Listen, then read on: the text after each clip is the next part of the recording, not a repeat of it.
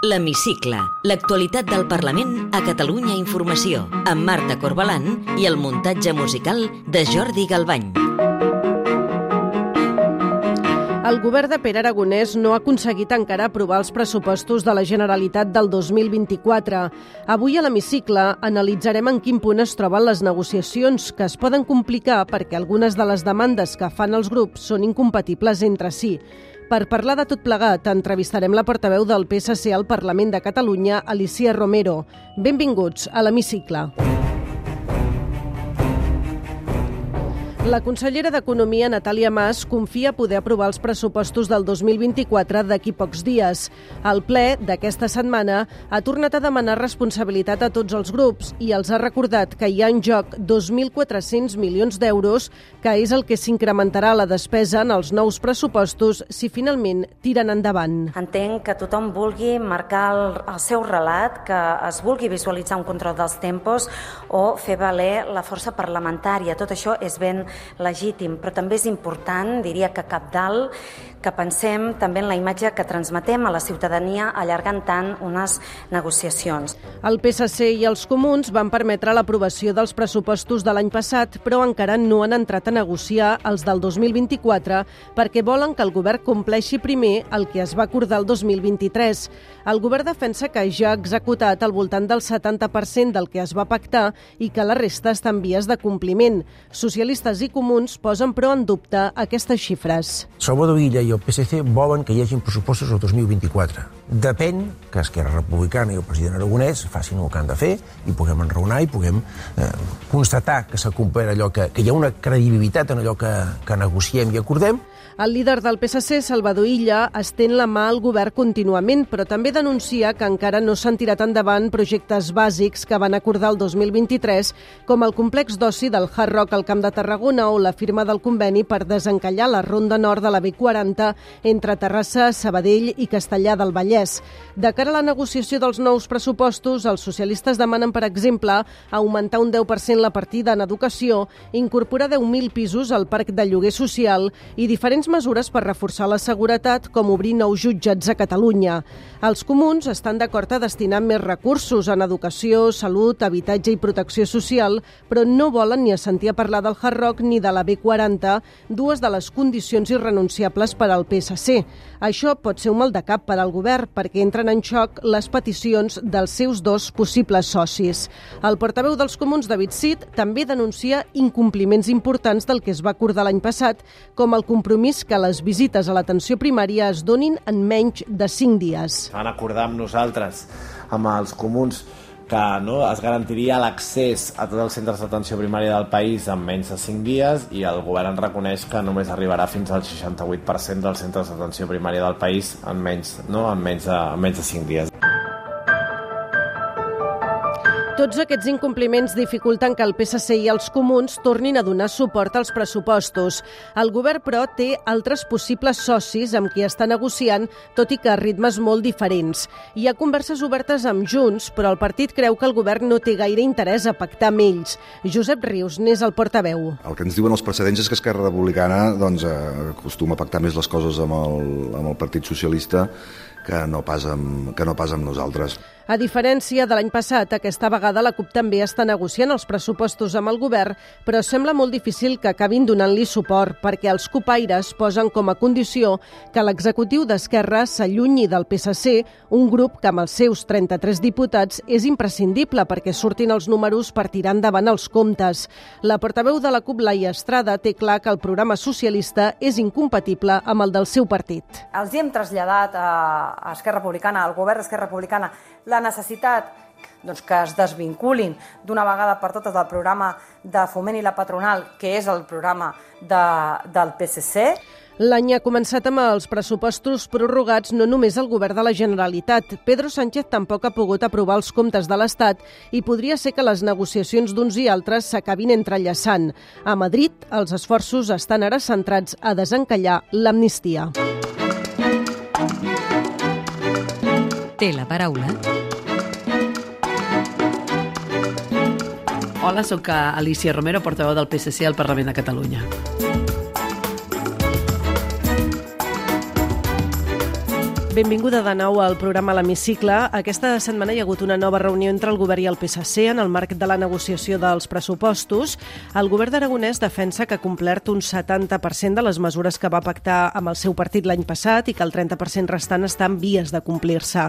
Els quadren aquests números amb els càlculs que ha fet eh, el seu partit?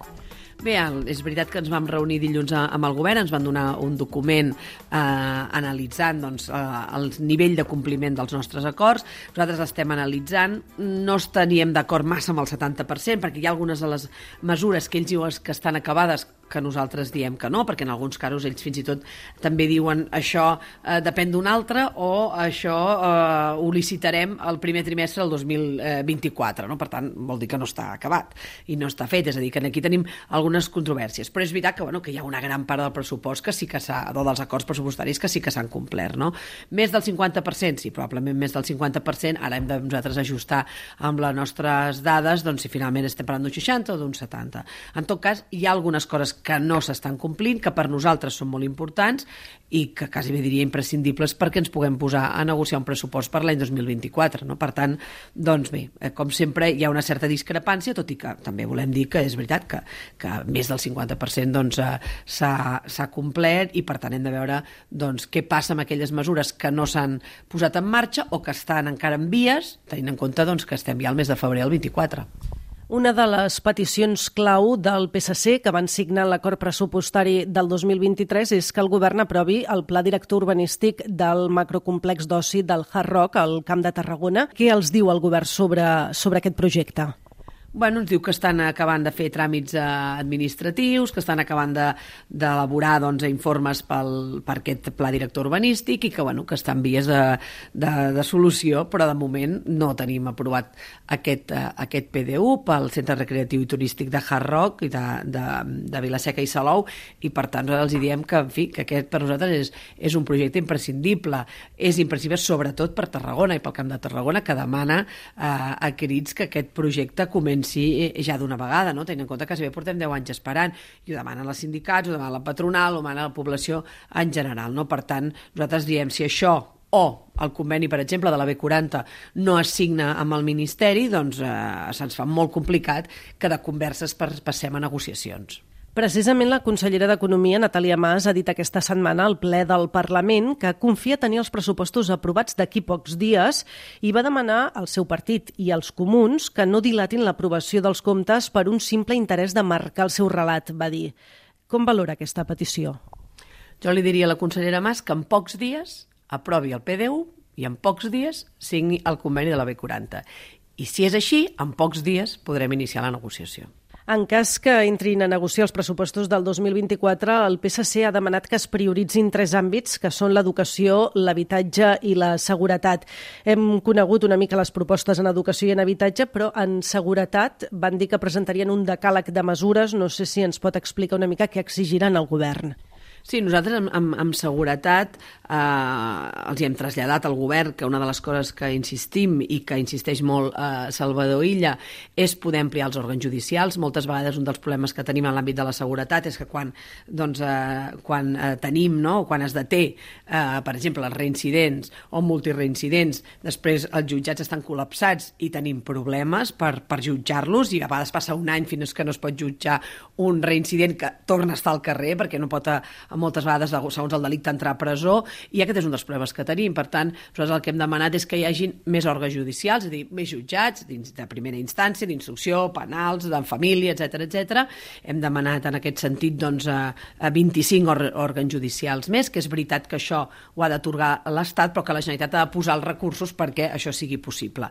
Esperem que aquesta sigui una de les, dels compromisos que, que prengui el govern de la Generalitat, perquè que tots estem d'acord amb que cal tenir més jutjats per poder agilitzar la nostra administració de justícia. No? Aquest, per exemple, és un element important per nosaltres. També lligat a això, doncs, tot el recolzament als advocats del torn d'ofici, que fan una feina fantàstica, sobretot adreçada no? amb un servei que donen a les persones més vulnerables, no? i creiem que hem de millorar la seva retribució i, per tant, aquest ha sigut també un element que hem posat sobre la taula. Al final, seguretat en sentit ampli vol dir això, que et puguis sentir segur quan tu vols fer una denúncia, eh, no tens recursos i per tant s'està assistit per un advocat, que els jutjats doncs, vagin ràpid, que la teva causa no estigui tres anys aturada i, i per tant hem fet bastanta incidència amb això. També hem millorar, per exemple, hem demanat, demanem recursos per millorar doncs, tota la seguretat a les comissaries, eh, també l'atenció que es dona a les víctimes de violència, que moltes vegades, si no estan en entorns còmodes, els és complicat anar a denunciar, i hem de facilitar al màxim i posar fàcil a les víctimes que puguin denunciar. No? Ho estem veient aquests dies amb el judici de, de Dani Alves, no? com la víctima no volia denunciar, com costa, com et sents culpable. Si això no t'ho faciliten, no? si no hi ha un entorn amable, doncs cada vegada es fa més complicat. No? I volem ajudar també en aquest sentit. Per tant, en seguretat és veritat, hi ha un decàleg de 10 coses, destaco aquestes tres que per nosaltres són, són rellevants. Enmig de les negociacions dels pressupostos hi ha una altra carpeta oberta que és l'amnistia. Creu que finalment s'acabarà aprovant al Congrés la llei d'amnistia? La veritat és que és difícil uh, saber-ho i no, no vull tampoc uh, aquí fer, fer, fer massa tertúlia en aquest sentit. Sé que el govern d'Espanya i el grup parlamentari socialista amb uh, Junts està treballant d'una manera discreta, que crec que és com s'han de fer aquestes coses per intentar arribar a un acord i que Junts pugui votar aquesta, aquesta llei. No em sembla que és una demanda dels, de l'independentisme des de fa molt de temps. Um, en aquests moments hi ha un text jurídic sobre la taula, consistent, rigorós, sòlid, que ha de permetre que després pugui anar sobrevivint a diferents instàncies judicials, ja sigui el Tribunal Suprem com el Constitucional, com instàncies europees. Ara crec que Junts ha de fer també una reflexió. Em sembla que no eh, posar més impediments a que s'aprovi aquesta llei també és fallar a Catalunya, també és fer eh, una cosa diferent del que han dit durant molt temps i em sembla que, en fi, que és un pas més per aconseguir una certa normalització al país, poder tornar a fer política i de veritat de no aconseguir-se crec que estem perdent una oportunitat com a país. No? El govern diu que té poc marge de maniobra pel que fa a les reivindicacions de pagesos i ramaders. Eh, vostè ho veu igual? Creu que el govern ha fet prou? No, no estic d'acord amb aquesta, amb aquesta eh, treure's de sobre el, el, els problemes, no? entre altres coses perquè una de les reivindicacions dels pagesos és la burocratització, la quantitat de burocràcia que tenen. Jo he visitat moltes vegades, recordo a Barbeca, un jove ramader que m'explicava que havia estat dos anys per obrir la granja i que si no arriba a ser pel seu pare no aguanta, perquè com pots estar dos anys per obrir una granja? Això no és culpa de ningú més que de la Generalitat i per tant s'han de poder reduir tràmits, s'ha de facilitar la vida eh, als pagesos, s'ha de posar recursos per i de suport, no? Hi havia abans les oficines agràries, s'ha de posar uh, oficines de suport a la pagesia perquè ells estan al camp i moltes vegades no tenen temps, uh, si no és per la nit traient-se hores de son de fer tots aquests treballs. Hi ha una part que sí, ara estem en sequera, el decret d'emergència marca un 40% de reducció de l'aigua, doncs evidentment això s'ha de poder compensar, per tant és competència del govern eh, donar suport econòmic a aquesta pagesia, no? que és el que avui demanaven. Si li sembla bé, ens endinsem ara ja en el terreny més personal i li demano si pot contestar amb respostes al màxim de breu possible. Què és el que més li agrada de la política i el que menys? Que aquelles decisions que prenem tenen un impacte directe amb els ciutadans per millorar-los la vida i el que menys, bueno, el que menys segurament les picabaralles estèrils i, i moltes vegades el, els egos que fan que, que, que posin per davant moltes persones els interessos personals i no polítics, no? Si hagués de posar una banda sonora a la Catalunya actual, quina posaria? Posaria una cançó de Charango, de Stay Home, una cançó positiva i alegre que ens faci una mica oblidar els mals moments que hem viscut. Recorda que volia ser de petita?